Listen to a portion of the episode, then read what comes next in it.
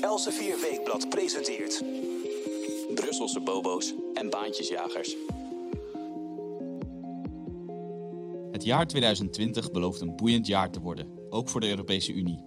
De EU verliest met het Verenigd Koninkrijk een van zijn belangrijkste lidstaten.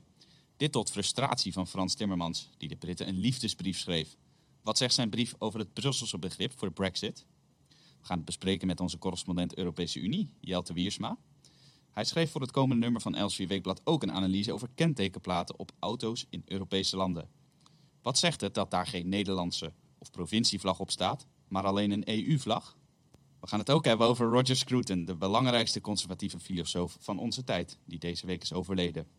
Hartelijk welkom bij een nieuwe aflevering van Brusselse Bobo's en Baantjesjagers. Mijn naam is Matthijs van Schie.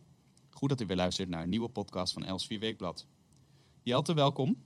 Hallo. Volgens de etiketten mag je elkaar tot 6 januari uh, een gelukkig nieuwjaar wensen. Maar uh, die etiketten die, uh, laat ik even aan mij voorbij gaan. Want ik wens jou en ook onze luisteraars natuurlijk nog het beste voor 2020. Wederzijds. we spraken elkaar voor de kerstdagen voor het laatst. Dus misschien is het wel even aardig om nog terug te blikken over wat er daarna nog is gebeurd. En ik noemde het al eventjes in de introductie. Frans Timmermans stuurde het Verenigd Koninkrijk een liefdesbrief in The Guardian, als ik me goed herinner.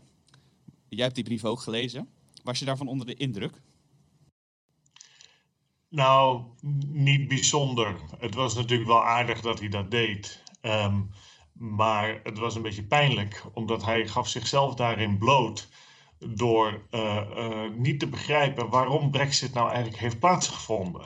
Um, hij meldt dat hij uh, dol verliefd is op uh, het Verenigd Koninkrijk. Mede ook omdat hij uh, het Verenigd Koninkrijk enigszins heeft leren kennen.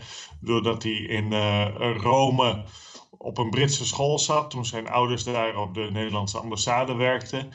En um, wat vooral zo opvallend is dat um, hij gebruikt nogmaals de Europese Unie als uh, vehikel voor vrede in Europa. Dus ja, hij dat zegt... horen, we, horen we heel vaak hè, van, uh, van mensen die heel enthousiast zijn over de Europese Unie. Die zeggen, sinds er meer Europese samenwerking is en de EU is opgericht, uh, is er geen grote oorlog meer geweest in Europa. Maar dat ligt niet zo simpel. Nee, dat is natuurlijk niet waar. Um, kijk, het is evident dat het um, land dat twee keer de agressor was in eerste instantie Um, tijdens de Eerste en Tweede Wereldoorlog um, en ook natuurlijk tijdens de Pruisisch-Franse oorlog was Duitsland. En in 1945 was Duitsland een bezet en verdeeld land. Um, uh, het was verdeeld in vier zones. De Sovjet-Unie, Frankrijk, Groot-Brittannië en Amerika hadden allemaal een zone. En daar hadden ze hun militairen gevestigd. En uh, tot op de dag van vandaag hebben de Amerikanen natuurlijk uh, vlakbij Frankfurt hun uh, Europese hoofdkwartier. het Verenigd Koninkrijk heeft er nog altijd soldaten gestationeerd. Die gaan pas dit jaar weg, als ik het wel heb. Um, en dan geldt ook dat Duitsland mag geen leger hebben groter dan 300.000 of 350.000 mensen. Dus Duitsland was aan alle kanten militair een non-entiteit. Uh, dus uh, de gedachte dat Europese integratie ertoe heeft geleid dat er geen oorlog meer zou komen, um, dat is ja, simpelweg nonsens. Uh, de, het sterkste land, grootste land, um, militair, was bezet en kon geen kant uit. en daarbij was natuurlijk Jozef Stalin de grote vereniger van West-Europa, omdat er één vijand was. Um, uh, werden ook al die landen uit angst voor een communistische revolutie in eigen land um, bij elkaar op schoot uh, geduwd. En um, dit alles onder auspiciën natuurlijk onder de veiligheidsparaplu van de Verenigde Staten, die als een soort scheidsrechter opereerde, die het ook simpelweg niet eens mogelijk maakte dat landen oorlog met elkaar konden exact. voeren. Want ik denk er staat dat ook basis in Italië, nog steeds overigens, uh, twee belangrijke militaire bases. Dus die, het hele idee dat de Europese integratie daar enige rol in heeft gespeeld, is incorrect. Belangrijker voor mij nog wel een beetje is um, dat op het moment dat jij zegt dat de Europese Unie voor vrede zorgt, dan zeg je ook dat iedereen die tegen verdere Europese EU-integratie is, en dat betekent een machtsoverdracht van kleinere landen aan een Duits-Frans imperium. Dus iedereen die daar tegen is, of sceptisch over op zijn minst, die zou dan voor oorlog zijn. Ja, dus EU-sceptici worden op die manier in een heel verdachte hoek geplaatst eigenlijk. Ook ja, Timmermans. alsof het oorlogshitsen zijn. Dus, uh, dus iedereen die tegen EU-integratie is, is voor oorlog. Dat is dan de permisse. Dat is natuurlijk waanzinnig. Dat is ja. echt waanzinnig. Mensen die voor Brexit hebben gestemd, die zijn niet voor oorlog. Dat is, dat is gewoon niet zo. Dus dat, uh, maar dat uh, toont, dit argument van Frans Timmermans toont de leegte ook van uh, de Europese Unie. Er, er zijn gewoon steeds minder goede, voor zover die ooit al geweest waren, argumenten om door te gaan met wat ze nu aan het doen zijn. Uh, en uh, keerpunt is allemaal is Maastricht geweest natuurlijk. Hè? De beroemde top in 1991, waar in 92 het verdrag van Maastricht uitkwam. In 94 geëffectueerd. Dat uh, was de, de euro. verdere uitbreiding interne markt. eigenlijk ook al de afspraak, de EU gaat uitbreiden oostwaarts. Al die dingen hebben geleid tot Um, ja, een veel te vergaand arrangement wat mij betreft. En, en uh, ja, Brexit is daar ook het resultaat van. Hè? Dat, dat, voor de, het Verenigd Koninkrijk ging dat te ver. En, um, um, exact. Uh, je hebt het over Brexit en uh, in dat licht is het wellicht aardig om ook een, een brief te noemen van Daniel Hannon, een van de architecten daarvan. jij hebt hem geïnterviewd eind vorig jaar en hij heeft Frans Timmermans ook van een kritisch antwoord voorzien op zijn liefdesbrief, voor zover je dat een, een liefdesbrief kunt noemen. Was jij wel te spreken over die brief van Hennen? Nou, wat, Hennen goed doet, uh, is aanwijzen dat Timmermans het niet begrijpt. Uh, die zegt dus van ja, um, uh, je kan wel een liefdesbrief schrijven en wij zijn ook dol op jullie, maar dat is helemaal niet relevant.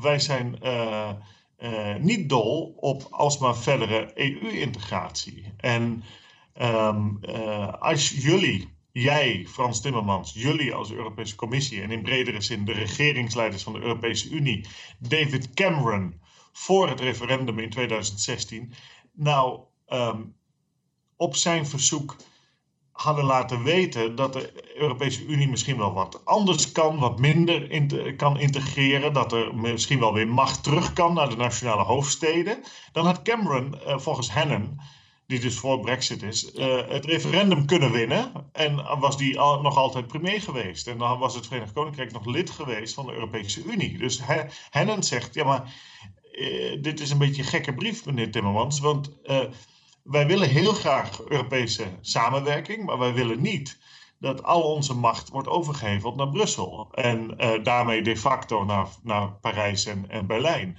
En Hadden jullie dat nou je gerealiseerd? En hadden jullie nou gedacht van ja, die EU is eigenlijk wel goed zo. We hoeven niet verder. Um, de nazistaat hoeft niet verder te worden ontmanteld. Ook omdat de bevolking in de meeste landen dat niet steunt. Dan was dit niet gebeurd. En uh, Timmermans die begrijpt dat dus niet. Die begrijpt niet, en dat is heel essentieel, die begrijpt niet dat de EU, de Ever Closer Union, zoals dat dan zo mooi uh, genoemd wordt, dat dat nooit een doel op zich kan zijn. En uh, dat het wel een doel op zich is geworden voor mensen zoals Timmermans. En dat is denk ik een heel slechte koers. En ik vrees dat het slecht gaat aflopen ook ooit voor die EU, juist door deze houding van Timmermans. En, en zijn medestanders. Ja, jij zegt de EU kent eigenlijk maar één stand, althans de eurocraten als Frans Timmermans. En dat is voorwaarts meer integratie, uh, nauwere samenwerking op uh, meer dan alleen economisch vlak. Zo is het. Nou, meer EU-integratie, dat uh, heeft ook heel veel te maken met auto's. En dan denkt u wellicht, hè, dat, wat is dat nou voor verband met Jelte? Jij bent een groot autoliefhebber. Jij bent in, in kentekenplaten gedoken. En ehm, Jij hebt eigenlijk ontdekt dat kentekenplaten en de manier waarop zij zijn voorzien van allerlei symbolen, vlaggen of anderszins regionale, nationale symbolen, heel veel zeggen over de identiteit van uh, burgers in Europa. Kun je daar wat meer over vertellen? Ja, ik rijd natuurlijk wel eens tussen Amsterdam en Den Haag en Brussel en, en Zeeland, waar ik ook woon, uh, op en neer. En eh, dan uh, heb je niet zoveel te doen in de auto meestal, behalve naar de luister, uh, radio luisteren of naar podcast luisteren zoals deze. Daarbij zie ik dan al die auto's voorbij chasen. En um, toen viel mij op dat ja, iedereen heeft dat Europese vlaggetje op zijn kenteken. En daarmee werd mij al vrij snel duidelijk dat dat de, verreweg de meest gebruikte zichtbare vlag in Europa is. En ook in Nederland daarmee natuurlijk. Wij hebben als Nederlanders natuurlijk een nummerbord waar weliswaar NL op staat, maar uh, het klopt helemaal wat je zegt. Daar staat alleen maar de, de Europese vlag verder op. De Nederlandse vlag, laat staan de provincievlag, is nergens te bekennen. Nee, dat vind ik dus zo, zo vreemd. Je moet je voorstellen, er is in 1998 een richtlijn uh, gekomen vanuit de EU. Uh, eh, ja, dat kwam vooral door de lobby van autohandelaren die makkelijker auto's van, uh, van, binnen naar buitenland wilden verhandelen. Um, en ook de EU is altijd enthousiast over meer integratie, zoals we eerder besproken. En landen mogen zelf bepalen of ze dat zogenaamde EU-kenteken met dat vlaggetje eh, invoeren. Um, er zijn wel een aantal standaarden van hoe groot dat ding dan moet zijn en eh, de, de, letters en hoe zichtbaar dat moet zijn. Maar dat vlaggetje hoeft er niet per se op. Maar dat hebben uh, alle landen verplicht gesteld, behalve het Verenigd Koninkrijk. Nou, dat zegt alweer heel veel over de, de sceptische houding van de Britten. Natuurlijk, maar hoe kwam dat? En dat is wel interessant, dat, uh, wat mij betreft. Dat toen deze richtlijn werd gepubliceerd, kwam er oproer in het Verenigd Koninkrijk. En zeiden mensen: Ja, maar eh, ik, ik wil helemaal niet zo'n EU-vlag op mijn, op mijn auto. Ik ga niet zo'n EU-vlag laten zien. Um, sterker nog, mensen zeiden: van ik wil graag mijn Schotse vlag op de, op de auto, of mijn Engelse vlag, of mijn Welse vlag. Dus in het Verenigd Koninkrijk is na die ophef uh, is mensen de keuze geboden. Uh, je kan of een neutraal kenteken, daar staat dus geen landenteken op of geen EU-teken. Maar je kan ook een kenteken kiezen met een Schotse vlag en dan uh, SCO eronder, of een Engelse vlag en dan ENG daaronder. Um, als je dan naar het buitenland gaat, dus naar het continent, dan moet je wel een sticker erop plakken met GB. Maar uh, en deze reflex in het Verenigd Koninkrijk is, is niet uh, uh, exclusief overigens hoor. In, in Frankrijk ik bijvoorbeeld. Ik al vragen, hoe zit het in andere landen? Het Verenigd ja, Koninkrijk is natuurlijk een, een uniek geval, maar in andere landen doen ze het niet exact hetzelfde als in Nederland hè? Nou, ik weet niet of het Verenigd Koninkrijk uniek is. Nederland kan wel eens uniek zijn. In, in, in, Frankrijk, uh, een land dat, uh, waar centralisatie van macht in Parijs een lange geschiedenis kent. En eigenlijk zou je kunnen zeggen, de Europese Unie is een, eenzelfde vehikel, Frans, op, op Franse wijze centralisatie van macht. Daar is een enorme ophef gekomen, want uh, Frankrijk wilde af van uh, de cijfercombinatie die liet zien uit welk arrondissement je komt. En mensen zijn daar vaak wel aan gehecht. En uh, Parijs heeft uiteindelijk ingebonden en die heeft gezegd: oké, okay, wij doen wel het EU-kenteken met het EU-vlaggetje en daaronder de F van Frankrijk, want in de hiërarchie staat de Europese Unie boven het land. Ja. Maar aan de rechterkant voegen we een blauwe band toe. En daar komt ook uh, de, uh, de, regio, dus bijvoorbeeld uh, Grand, Grand Est enzovoort. En daaronder komt dan het departement. Ja. En in, een, in een cijfer. Dus 75 is bijvoorbeeld dan van Ile-de-France, van, van, van de regio Parijs. Dus in Duitsland zie je hetzelfde, uh, maar ook in landen zoals Oostenrijk, uh, in Slovenië en andere. Uh, Polen kan je zien aan het kenteken waar iemand vandaan komt. En waarom is dat zo belangrijk? Het is een symbool, wat mij betreft, naar de autoriteiten toe. Dat mensen niet per se alleen maar onder het gezag van voor ons Den Haag of Brussel vallen, maar dat mensen ook een identiteit hebben die regionaal of lokaal is. Ja. En in, in, grotere landen zoals het, Verenigd, zoals het Verenigd Koninkrijk, Duitsland, Frankrijk, is dat bijna, bijna vanzelfsprekend. Dat je, uh, dat de, de, hoofdstad is natuurlijk ver weg. Maar voor mij als, uh, als Fries geldt ook wel dat ik denk van ja, uh, ik, ik ben net zo sceptisch over Den Haag als ik over Brussel ben, of omgekeerd. Want ja, wie zijn die mensen in Den Haag om over mij te beslissen? En op het moment dat, dat je laat zien op die kentekens dat um, jij uh, bijvoorbeeld Fries bent, of Noord-Brabander, of Limburger, of anderszins, dan herinner je jezelf eraan dat het niet vanzelfsprekend is dat het centrum, Den Haag in Nederland, Brussel in Europa, alsmaar meer macht naar zich toe trekt. En het herinnert de autoriteiten er ook aan dat de basis waarop zij autoriteit hebben, gezag hebben, dat dat uh, regio's zijn, steden, ja. dorpen, uh, kleine entiteiten. En dat ze daar rekening mee dienen te houden. En uh, zowel Nederland, de natiestaat Nederland, als de Europese Unie zijn op Franse leest geschoeid. En daar vindt een ongebreidelde centralisatie van macht plaats. Van, van geld via belastingen, van het geweldsmonopolie. Um, van, uh, je kan het zo gek niet bedenken. Of het nou om handelsverdragen gaat, of wat je wel mag eten of niet, of je wel mag roken of niet in een café. Al, alles wordt gecentraliseerd. En uh, macht komt steeds verder weg te staan bij burgers. En dat vind ik een heel ongezonde situatie. En vandaar mijn pleidooi deze week in het bad om te laten zien op die kentekens ook wat de stad en de regio van iemand is. Ja, dat is een boeiend stuk. Ik uh, heb het al even mogen lezen, maar ik raad u zeker aan om dat in, uh, in het komende nummer van Elsevier Weekblad uh, ook te lezen. je had het erover, burgers zijn in, Europa, maar ook elders op de wereld uiteraard regionaal of zelfs lokaal geworteld in eerste instantie. En dat is gelijk een aardig bruggetje naar Roger Scruton, de Britse filosoof, de belangrijkste conservatieve denker van onze tijd, wordt hij vaak genoemd. Die is op zondag 12 januari op 75-jarige leeftijd overleden. Jij uh, schreef een necrologie over hem. Uh, hij schreef dus veel over uh, de, de regionale wortels van burgers. En waarom is hij voor jou en voor velen nou zo'n belangrijk conservatief denker? Nou, Roger Scruton die probeerde iets um, te doen wat velen geprobeerd hebben en weinigen gelukt is. En hem wel, is invulling geven aan, aan Plato's beroemde drieslag uh, uh, het schone, het ware, het goede. Um, ik heb de volgorde altijd verkeerd hoor, dus hou met de goede daarbij. Um, maar hij... Dat zal niemand um, je kwalijk nemen. Hij, hij, wat zeg je? Dat zal niemand je kwalijk nemen, die volgorde. Dank je. hij zei...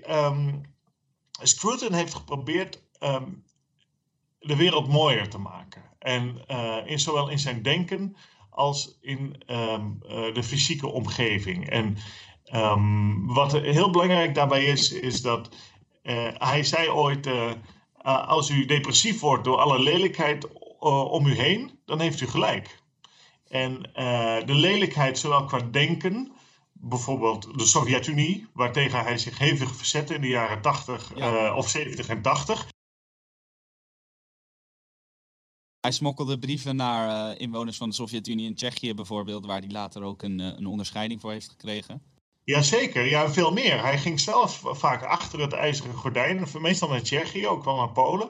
En dan gaf hij in het geheim stiekem dus les aan uh, studenten die op de universiteit alleen maar Sovjet-propaganda kregen te horen.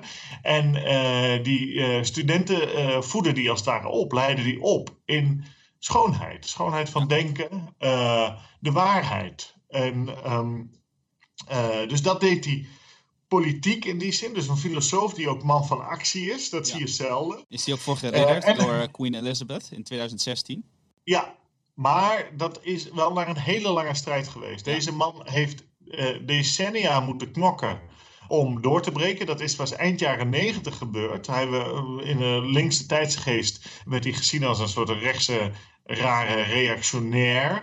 Terwijl de man alle, allerminst, uh, allerminst zo enggeestig is. Hij was juist heel breed. Want hij probeerde niet alleen de, de, uh, de schoonheid uh, van het denken te verspreiden. En, en tyrannieke, centralistische ideologieën zoals de Sovjet-Unie daarmee het communisme neer te halen. Hij deed het ook in zijn eigen leven. Hij heeft, um, uh, hij heeft een boerderij gekocht en even ten westen van Londen. En daar heeft hij zijn eigen utopia gebouwd. Dat werd wel Screwtopia genoemd, waar hij met dieren leefde, zijn vrouw, zijn kinderen. Waar hij op zoek was naar de, de, de, de schoonheid van het leven. En die schoonheid uitte zich in in het drinken van wijn, muziek. Hij heeft twee operas geschreven. Hij speelde zelf uh, verdienstelijke piano en speelde ook in de, in de kerk. Hij probeerde het christendom ook weer te benadrukken als, als drager van liefde en schoonheid. Um, en hij ontleedde alle flauwekul van links. En, en dat maakt hem ronduit gehaat in het Verenigd Koninkrijk. Dat valt niet te onderschatten. Hij kreeg in het buitenland meer waardering vaak dan, dan in eigen land. Ja, hij werd gehaat. Dat uh, was ook te zien in zijn uh, laatste volledige levensjaar. Want uh, ik geloof dat hij door de Britse regering uiteindelijk is ontslagen. omdat hij was beschuldigd van eh, racistische uitspraken die hij had gedaan. of columns die hij had geschreven. Wat uiteindelijk gebaseerd bleek op citaten waarin geknipt was. Hoe heb jij die, die controverse rond, rond hem zo in zijn laatste levensjaar gevolgd? Ja, dat uh, tekenend. De New Statesman, een, een Brits weekblad, stuurde een verslaggever naar hem toe, een plaatsvervangend hoofdredacteur, geloof ik zelfs. En die, die was maar op één ding uit: Roger Scruton zwart maken. En die heeft urenlang zitten vragen over citaten die hij ooit gegeven heeft van vroeger. En probeerde hem als homofoob, nationalistisch, racistisch, vrouwonvriendelijk en weet ik wat neer te zetten. Ja, Steedsman heeft toen een verhaal gepubliceerd. Het was gewoon een leugen, uh, was gewoon een leugen dat hele verhaal. Um, daarop uh, is uh, Douglas Murray, die ik goed ken, die ik ook citeer in het stuk De Necrologie die ik over Scruton schrijf. en die goed bevriend was met Scruton, die heeft uiteindelijk de tape van dat interview in handen gekregen. En daar een stuk in de Spectator, een ander weekblad, over geschreven. En daar bleek dus uit dat het allemaal onzin was. En Scruton, die was dus lid van een commissie die door hem ook bedacht was, een overheidscommissie. Uh, building Better, Building Beautiful. Om mooiere huizen te bouwen in het Verenigd Koninkrijk. Mooiere kantoorgebouwen, mooiere uh, boerderijen. Voor Nederland zou dat ook heel goed zijn. Want moet je kijken hoeveel lelijkheid wij zien met al die boksen uh, aan distributiecentra en zo. Waarom doen we niet ons best om iets moois te creëren? En dat was zijn oproep de hele tijd. Waarom creëren we niet iets moois? Waarom hebben we geen klassieke muziek in winkels, maar van die vreselijke popmuziek? Waarom hebben we eten, we, eten we smerig voedsel terwijl er zoveel prachtig voedsel te krijgen is? Waarom leven we niet in harmonie met de natuur? Hij was in die, die zin, um, zaten er heel veel, dat begrijpen veel mensen van links gek genoeg niet, er staan heel veel linkse elementen in deze man. Ik denk als jij GroenLinkser bent of in die sfeer zit, dat jij heel veel aanknopingspunten bij Scruton kunt vinden. Uh, maar hij was ook omstreden omdat hij erg sceptisch was over Margaret Thatcher. Um, dus de Tory Party, de conservatieve partij, die waren ook niet altijd zo fan van Scruton. Want hij onthulde hun eigen inhoudsloosheid. Uh, en dat is nou een keer uh, zo bij veel politici, dus daar zit niet veel achter, achter hun, uh, hun slogans. En hij onthulde ook dat Thatcher een, een, grote fout heeft gemaakt, dat die ruilde staatsmacht in voor macht van multinationals. En dat vond hij heel onverstandig. Hij wilde juist staatsmacht inruilen voor kleinere identiteiten, entiteiten, zoals uh, de, de bakker op de hoek, kleinere bedrijven, familiebedrijven en niet Goldman Sachs, uh, Shell enzovoort. dus hij, in die Tory Party lag hij ook helemaal niet goed. Dus hij had eigenlijk geen vrienden in die zin. Het is ook een politiek onafhankelijk man dus, Scruton. Volledig werkelijk waar een verrijking voor elk mens om dat te lezen. Of je nou links bent, rechts, progressief of conservatief, dat maakt niet uit. Er zit zoveel van waarde in. En iedereen die schoonheid ambieert ten opzichte van lelijkheid in denken, maar ook fysiek, uh, qua hele levensstijl, um, uh, dan is Scruton de leidsman. Uh, en hij heeft dus inhoud gegeven aan het, het goede, het schone, het ware van Plato. Hij heeft daar fysiek inhoud aan gegeven, dus tegen de communisten te vechten. Uh, door zijn Scrutopia te, op te richten en te laten zien, voor te leven als het ware, hoe, hoe je kan leven, hoe je mooi kan leven, hoe je het leven waardevoller kan maken. Ja, dat Scrutopia werd ook uh, gisteren, meen ik, in uh, NRC Handelsblad, gisteren, dat is dan 13 januari, bezongen door Thierry Baudet. Die omschrijft Scruton als zijn leermeester. En beschrijft ja. daarin dat ook allerlei ideeën die je net hebt, uh, hebt opgenoemd. Om nou toch nog even terug te keren naar het, uh, het centrale thema van onze podcast, de Europese Unie. Had Roger Scruton ook uitgesproken ideeën over de Europese Unie? Wat vond hij van EU-integratie? Wat vond hij van de ideale manier van samenwerken binnen die EU? kun je daar wat over vertellen? Ja, hij was daar heel sceptisch over natuurlijk, omdat dat een centralisatie van macht is. Juist om die reden. En omdat het regionale eigenheid, lokale eigenheid verwoest. En daarmee diversiteit verwoest. Hè. Het woord diversiteit komt tegenwoordig uit linkse hoek, maar is historisch natuurlijk een conservatief woord. Diversiteit, dat iedereen op zijn eigen landgoed, elke edelman hè, in pre-democratische tijden op, zijn eigen landgoed zijn eigen baas was. En zelf bepaalde hoe zijn huis eruit zag en zelf bepaalde hoe, hoe die dingen deden. En dat heeft Scruton erg benadrukt. En, uh, en, hij kende natuurlijk de Sovjet-Unie goed. En hij zag ook wel parallellen bij de Europese Unie. Uh, centralisatie van macht, antidemocratische tendensen totale controle willen uitvoeren over de staat, over, over de burgers en vrijheid willen inperken. En uh, ik denk dat hij dat goed gezien heeft. Interessante man, interessante materie. Ik, uh, ik denk dat we zo de drie thema's die we hebben behandeld hier, de liefdesbrief van Timmermans en uh, de reactie van Daniel Hannon over de Brexit. we hebben het gehad over kentekenplaten en dus over Roger Scruton, die van alles met elkaar te maken hebben. En wilt u nou meer over deze onderwerpen lezen, dan kunt u surfen naar www.elsevierweekblad.nl of u kunt natuurlijk het blad kopen voor zover u daar nog niet op geabonneerd bent. Doet u dat vooral, neemt u een abonnement. En neemt u ook een abonnement op onze podcast, Brusselse Bobo's en Baantjesjagers, elke week met Jelte Wiersma. u kunt zich abonneren via Spotify of iTunes. Of u kunt surfen naar www.elsevierweekblad.nl slash podcast. Jelte, ik wil je hartelijk danken voor jouw uitleg, jouw interessante verhalen in het nummer ook. Nogmaals, leest u die vooral. En blijft u luisteren naar deze podcast. Hartelijk dank voor het luisteren. Mijn naam is Matthijs van Schie. Tot de volgende keer.